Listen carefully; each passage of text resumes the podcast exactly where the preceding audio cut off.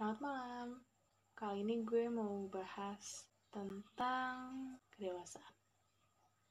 Alhamdulillah, satu bulan yang lalu uh, gue udah ngerayain ulang tahun yang ke-22 dan 22 tahun itu menurut gue udah cukup lama dan dalam perjalanannya cukup banyak peristiwa yang melekat di hidup gue banyak hal yang gue pelajarin banyak kegagalan banyak senang-senang juga.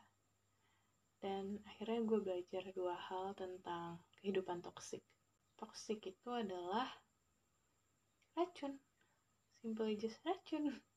Mengenai toksik ada dua hal yang harus kalian pahami.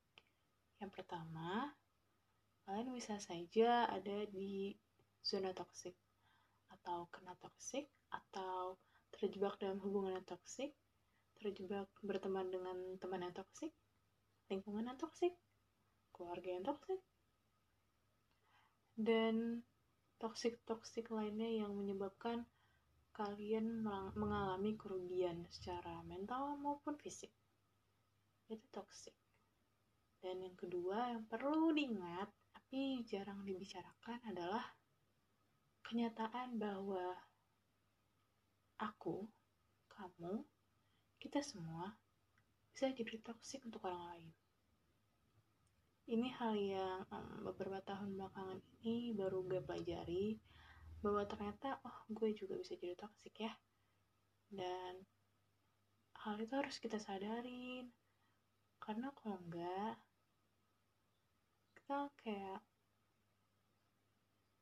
selalu egois dengan pilihan sendiri gitu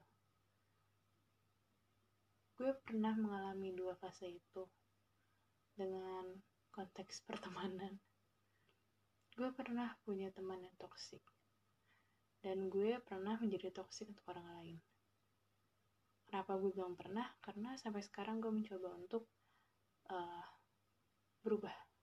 Gue masih dalam proses gue juga masih belajar. Cuma gue mau share nih tips nih tips share bahwa menjadi toxic untuk orang lain itu jauh lebih menyakitkan bagi diri lo sendiri. Jadi coba deh kalian tanya diri kalian sendiri ada gak sih suatu hubungan yang terlalu dipaksakan? Ada gak sih suatu uh, komitmen yang terlalu maksa gitu? Dan yang kedua mungkin aja lo punya teman yang toxic yang selalu manfaatin lo ketika lo butuh selalu berasa paling valuable selalu pengen dilayanin sama lo. Dan ketika lo berteman dengan dia gak sadar bahwa lo tuh capek. Lo gak seneng gitu. Lo gak happy tapi lo capek. Gitu. Jadi buat kalian yang lagi mencoba untuk dewasa atau lagi dalam proses pendewasaan, kenalilah dua tipe. Ketika kamu berada di lingkungan atau teman yang so, yang toksik, dan ketika kamu sendiri adalah toksiknya.